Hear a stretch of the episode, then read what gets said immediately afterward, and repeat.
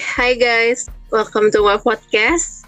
Di episode pertama ini, di episode random pertama ini, gue mau akan ngebahas tentang satu hal yang kayaknya 98% dilakuin sama orang Indonesia kalau misalkan terjadi sesuatu sama tubuh mereka, which is itu namanya kerokan.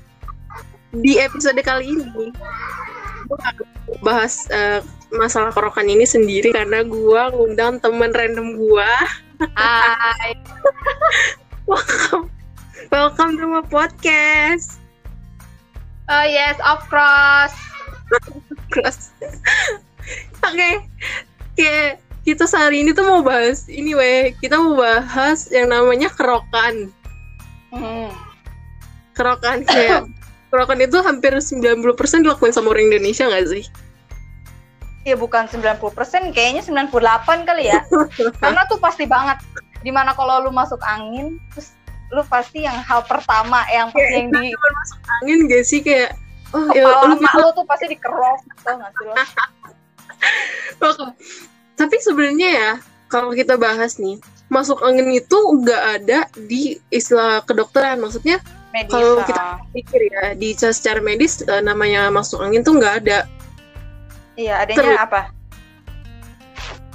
Adanya apa? Gue juga nggak tahu kan kita bukan uh, mahasiswa kedokteran tapi untuk istilah kerokan ini itu muncul kayaknya dari dari kreativitas ibu-ibu negara Indonesia doang sih menurut gue mungkin uh, pada zaman dahulu kan namanya rumah sakit kan minim. Terus udah gitu kan dokter juga kan cuma sedikit ya kan susah mm -hmm. banget kan dulu masuk ke dokteran uh, ya udah jadinya mungkin mereka alternatif kali ya jadi kalau misalkan kalau mereka menurut, mungkin ya. pikirnya kalau masuk angin itu pasti kalau dikerok pasti nanti tuh anginnya keluar dan padahal menurut medis tuh lu kalau misalkan dikerok itu kalau bikin pori-pori lo kebuka Oke, okay. jadi menurut lu uh, kerokan itu mitos atau fakta? Kalau menurut gue itu mitos. Iya gak sih kayak kalau menurut gue juga itu gak masuk akal. Kenapa misalkan orang sakit karena kecapean, terus dengan koin dan istilahnya minyak urut bisa ah. menyembuhkan penyakit. Sementara ada job dokter dengan segala jenis obat-obatannya gitu kayak koin ajaib emak lu bisa mengalahkan uh, dokter yang kuliah bertahun-tahun. Iya dan lu ngerasain gak sih kalau jadi dokter? Gua yang udah bertahun-tahun gue jadi dokter ternyata masuk angin itu cuma dikalahkan dengan satu poin. Dan cuma minyak urut dan emang sih the best. Iya dan yang paling lebih anehnya lagi itu pasti kalau lu dikerok nunggu kulit lu itu warnanya merah. Iya pak kalau mitosnya sih, kalau misalkan kulit lu nggak merah itu artinya anginnya belum keluar.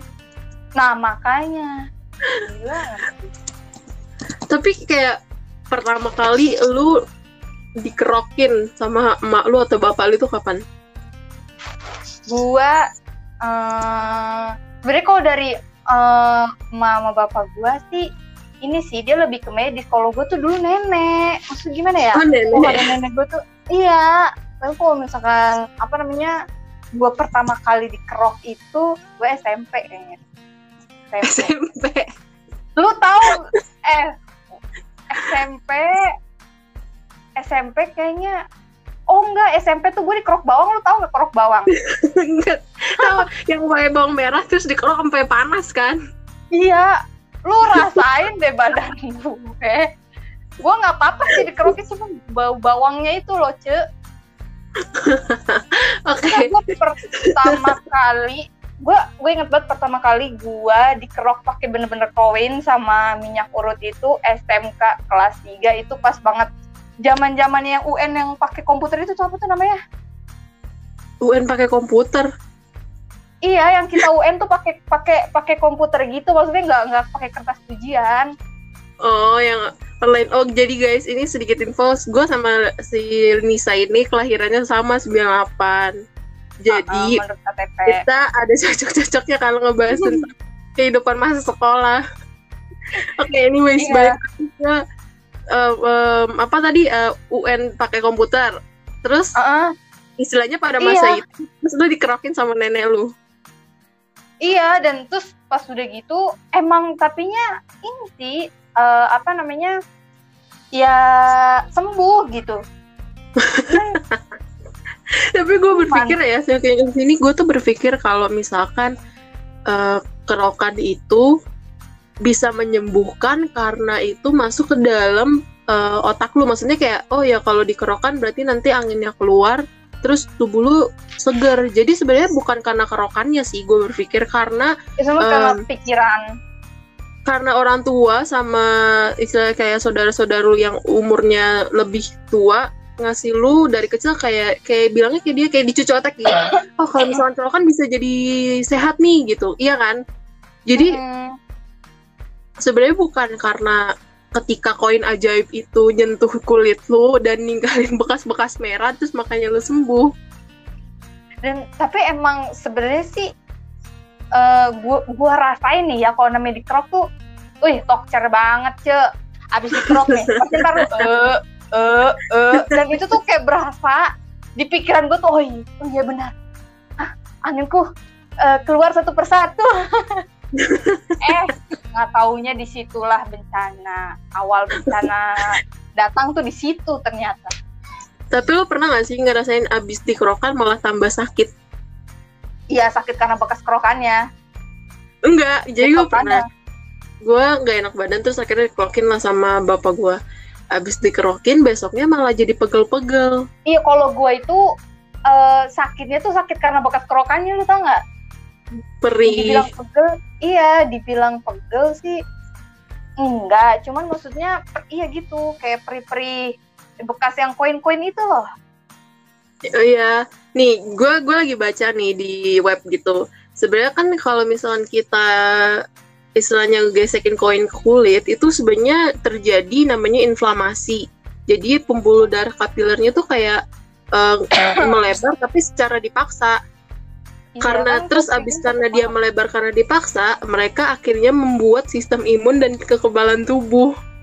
Jadi eh, karena eh, adanya paksaan dari koin ajaib itu apa jadi sistem imun lu itu bekerja lebih tinggi Ah, berarti kemungkinan eh, ini dong apa sih namanya gampang lagi masuk anginnya. iya kan nah, Oh. jadi istilah kayak nyampe dulu untuk sejenak kayak untuk beberapa saat sembuh tapi ada kemungkinan masuk angin lebih besar setelah lu nerima kerokan pertama gitu Oke oke oke. Paham paham Terus? gue paham. terus di di sini juga ada fakta-fakta tentang kerokan katanya eh, kerokan itu memperlebar pembuluh darah terus warna merah pada kerokan bukan penanda rasa sakit masuk angin iyalah jelas banget lah kayak nggak ada nyambung-nyambungnya nggak sih eh, masuk angin sama kerokan sedangkan di ilmu kedokteran tuh nggak ada yang namanya eh, penyakit masuk angin gitu Tapi gue masih penasaran loh. Gue rasanya pengen tanya deh sama dokter. Dok dok, kalau misalkan kita nih, kita kan eh, misalkan lagi pusing nih pusing. Eh, kan gue pada saat itu gue inget banget ujian. Lu tahu kan yang namanya ujian pakai komputer itu gimana? itu sampai jam berapa tuh? Gue baru kelar kelar jam 6 Jam Hmm. 7 udah harus ada di sekolah. Nah, Mm-mm. terus eh, jam 6 itu pokoknya maghrib itu lu eh, baru pulang gitu. Untung rumah gue deket kan. Nah, rumah gue deket aja gue masuk angin. Gue nggak gue nggak kepikiran tuh kalau yang temen-temen gue yang jauh banget rumahnya itu gimana. Terus dengan posisi perut lapar, perut kosong, lu dipaksa untuk bekerja mengisi jawaban-jawaban yang aneh semua, apalagi matematika.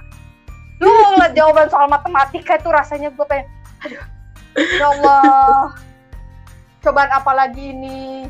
udah selesai cobaan itu materi. selesai pulang iya Iya, selesai pulang terima kerokan kerokan dewa dari nyai Iya, dan ternyata di situlah bencana dimulai itu di situ. tuh kayak rasanya pengen tanya, sumpah. Gue rasanya pengen tanya sama dokter. Dokter kalau Iya, misalkan siapa tahu eh, ada kita, dengerin podcast ini jadi dia bisa menjawab. Iya, ini tuh menjawab sebenarnya rasa sakit apa gitu. Setelah beberapa lama ini tuh pertanyaan itu selalu menghantui aku. Lalu kalau masuk angin itu nggak ada di apa, catatan medis maksudnya nggak ada apa sih namanya? Medis itu maksudnya nggak kenal masuk angin gitu terus namanya apa Iya, itu itu yang kayak bikin gue selalu penasaran juga sih. Kalau misalkan di medis nggak ada yang namanya masuk angin, tapi sementara 95% orang Indonesia alasan nggak masuk kerja karena masuk angin, jadi nama penyakit itu di medis tuh apa gitu. iya Tapi gue berpikir juga siapa yang nemuin apa caranya kerokan buat ngilangin kayak meriang dan sebagainya. Itu sih jenius sih. Antara Itu- jenius sama eh, apa ya bilangnya ya? Antara jenius sama kayaknya. Ah, iya, kayak bisa-bisa aja kayak dengan cara lu menggosokkan koin ajaib dan minyak urut, seseorang bisa sembuh gitu. tapi tapi eh, kalau misalkan kerok bawang kayaknya nggak mitos kayaknya ya Karok lu bawang nggak suka ngeliat gak sih lu Gua- ngeliat gak sih kalau misalkan anak bayi kayak gitu kalau gue pernah nggak ya di kerok bawang? Kayaknya pernah tapi waktu itu karena apa ya gitu cuma sekali doang. Nggak pernah lagi. Karena gue merasa badannya malah jadi gimana ya kan kalau bawang itu ada getahnya jadi nggak nyaman gitu loh. Kalau menurut gue itu manjur karena getah-getah bawang yang nganterin anget lebih lama daripada minyak urut yang diproduksi massal sekarang, ya nggak? Iya dan katanya sih katanya ya katanya itu eh, dari bawang itu tuh bisa buat meningkatin kekuatan tubuh gitu lah.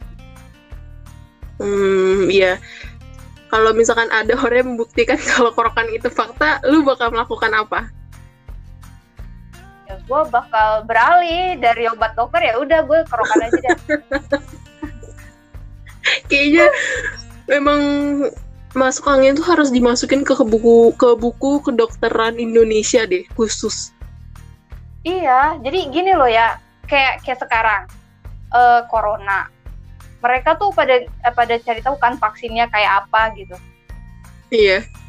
dalam lubuk hati gue yang terdalam tuh kenapa sih lu nggak nyari yang hal-hal yang kecil dulu tuh kayak yang yang itu kayak model kayak masuk angin itu cari tahu dah masuk angin nah itu berarti namanya apa dan harusnya bagaimana. Ah, kita ntar kita ngebahas tentang corona tapi di episode lain juga. Jadi ntar oh iya, iya. kita bahas ini Boleh, boleh, biar lebih seru aja sih. Tapi kalau sekarang kita mau fokus ngebahas tentang eh, si misterius tentang kerok- kerokan ini. Lu lu bisa di di Google ada gak sih siapa yang pertama kali mencetuskan kerokan itu sumpah itu kalau misalkan ada yang sampai nulis kayak gitu kayak mencari tahu tentang siapa penemu kerokan itu sih jenius antara jenius dan gabut Iya. Nah, tapi kalau misalkan lu coba tanya kayak seumuran emak-emak lu deh, kalau nggak nenek, nenek lu deh, seumuran nenek lu, pasti mereka bilang kalau misalkan kerokan itu fakta. Karena kan maksudnya zaman-zaman dulu tuh gimana sih kayak mereka tuh kalau buat namanya minum obat tuh enggan gitu. Maksudnya susah juga ah, apa- dapatnya iya daripada gua minum obat gitu kan, Mm-mm. mending gue cari Iya, alternatif lain. Ya, lebih banyak orang menggunakan pengobatan alternatif gitu nggak sih Iya, kayak model maksudnya gimana sih? Eh kayak emak gue aja nih, dia tuh kayak nggak nggak mau gitu yang namanya minum obat tuh, pasti pakai Oh, pakai iya? pakai pakai kayak alternatif lain. Hmm, iya sih kayaknya orang-orang zaman dahulu karena pertama susah eh, akses mungkin akses ke kedokterannya juga susah, apa fasilitas apa tenaga medisnya juga susah, fasilitasnya kurang dan sebagainya. Mereka kayaknya lebih memilih untuk menggunakan hal-hal alternatif yang menurut dia oh ya udah udah udah bagus kok gitu. Heeh. Kayak istilahnya sakit gigi kebiasaan pakai ya kan? iya sakit gigi pakai daun sirih gitu ya kan? Iya, pakai koyo malah di luar ya kan? Padahal iya kan? Segampang itu. Padahal kalau lu pikir sakit gigi pakai koyo itu nggak mengurangi sih. Cuman kayak mendistract rasa sakit dalam gigi ke panas koyo yang ditempel di luar. Iya kan? Udah Tapi kayak nanti pas merah. udah ini kayak itu tuh kayak gatel panas kayak perih-perih gitu kan? Iya. Dan disangkanya itu dibilangnya eh itu itu tuh kuman-kumannya itu pada keluar tuh ada gara-gara koyo Jadi guys si Nisa ini itu orang orang mana nih? ah pasti Orang Tasik. Jadi entah kalau misalnya dia tiba-tiba nyablak atau tiba-tiba eh, ngomel dengan kecepatan level dewa, ya atau har- harap dimaklumi aja. Tapi ngomong ngomong-ngomong kayak orang Jawa Barat tuh kayak banyak banyak banyak eh, apa ya mitos-mitos tahil-tahil juga sih Nis kalau menurut gua. banyak emang banyak banget. sakit ini pakai ini aja. Lu sakit ini lu ngunyah ini aja gitu. Iya Atau nih kayak kan ini kayaknya orang-orang Sunda yang nyiptain. Jangan-jangan sih gue juga curiga tapi tapi nih nggak gini loh eh kayak gue nih kan eh apa namanya pernah sakit gatel-gatel gitu dong kayak kayak gatel-gatel kayak gitu. Lu tahu gak sih Mm-mm. salep pikang suang? Apa tuh kurang tahu deh gua. Lu lu kan turunan Cina masa lu nggak tahu? Beneran Nggak gue pak tahu, gitu gatel ya ke dokter gitu. Enggak nih kak eh, gue emang maksudnya ya eh, keluarga gue tuh maksudnya kayak eh, tradisional banget sih dibilang tradisional banget ya masih masih tetap percaya sama medis gitu. Cuman kalau misalkan Mm. sudah bahasanya buat cari alternatif itu pasti cari obat-obatan pengobatan Cina. Dan itu emang ma- manjur banget sumpah. Oh iya? Iya. Lebih manjur. Iya sih. Lebih manjur harga ekonomis. Eh kan Sunda pisannya tapi nggak ada efek samping ya. Takutnya itu kayak obat-obatnya ob- obat yang udah mungkin kayak udah hampir menegur masa-masa expired gitu kan. Gue nggak tahu deh dan malah setahu gue itu kalau gue nemuin maksudnya kayak kayak apa namanya minyak tawon.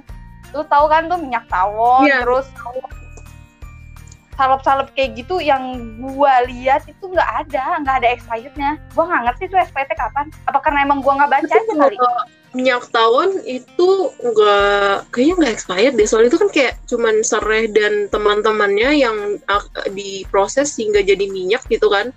Terus disimpan. Istilahnya kayak sistemnya mungkin sama kayak minyak kayu putih. Iya iya iya. Iya kayak nggak expired mungkin menurut gue gue selalu berpikiran kalau minyak-minyak seperti itu sem- semakin lama lo simpan semakin bagus khasiatnya iya. Tapi yang gue bingungin itu minyak tawon maksudnya itu tawonnya diperes jadi minyak digodok Kagak. atau gimana ya? Ya kagak.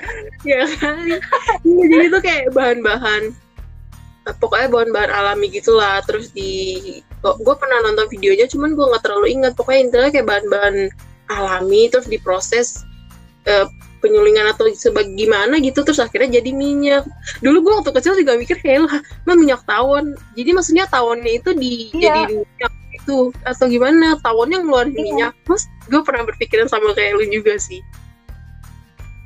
Dan itu sumpah apa kalau misalkan obat-obatan maksudnya dari Cina itu maksudnya gua nggak tahu itu dari Cina apa maksudnya itu yang bikinnya orang turunan Cina atau emang bener Ci- Cina yang langsung nggak gua nggak tahu. Maksudnya pasti tuh kalau ada obat-obatan yang tulisannya Cina itu aneh-aneh semua. Jadi kayak eh, minyak tawon. Tuh isinya tapi baunya minyak sereh nih. Gua nggak ngerti nih tawon nih dari mana. Terus eh, yang kedua kayak apa? Apa sih namanya? Lu tau gak sih eh, obat yang cap ibu dan anak? Kurang tahu. obat-obat batuk? Gue kalau gue dari kecil kalau batuk obatnya cuma satu aktifet Gitu, iya iya. ya pan kalau nya apa? Namun di di keluarga eh, orang mahnya ayah nu murah ya mangga gitu dah. Jadi nate jika nasi pelanggan tetap obat-obatan Cina gitu dah. Harganya ekonomis eh, manjur manjur ke mana-mana dari obat medis ya leg-legan weh tah nepi ka apal orang teh. Nepi ka salep-salep orang teh apal gini. Salep. Pi pikang suang. Sok eh, apa namanya lu lihat coba tapi nggak nggak nggak pakai sih. Lu kalau salep-salep yang dari dokter tuh lama banget. Lu tuh gatel-gatel sampai ledes-ledes tuh sumpah lama banget. Nah gua pakai salep ikan suang itu udah langsung kering. Dia paling apa ya jarak eh, jaraknya juga kalau sama yang obat yang salep-salep medis yang lainnya tuh malah lebih manjuran itu gua nggak ngerti Oke, ini pembicaraan kita udah udah ke mana-mana sih. Dari kerokan ke salep-salep Cina sampai tahayul-tahayul segala macem. Mungkin kayaknya podcast hari ini sampai sini dulu.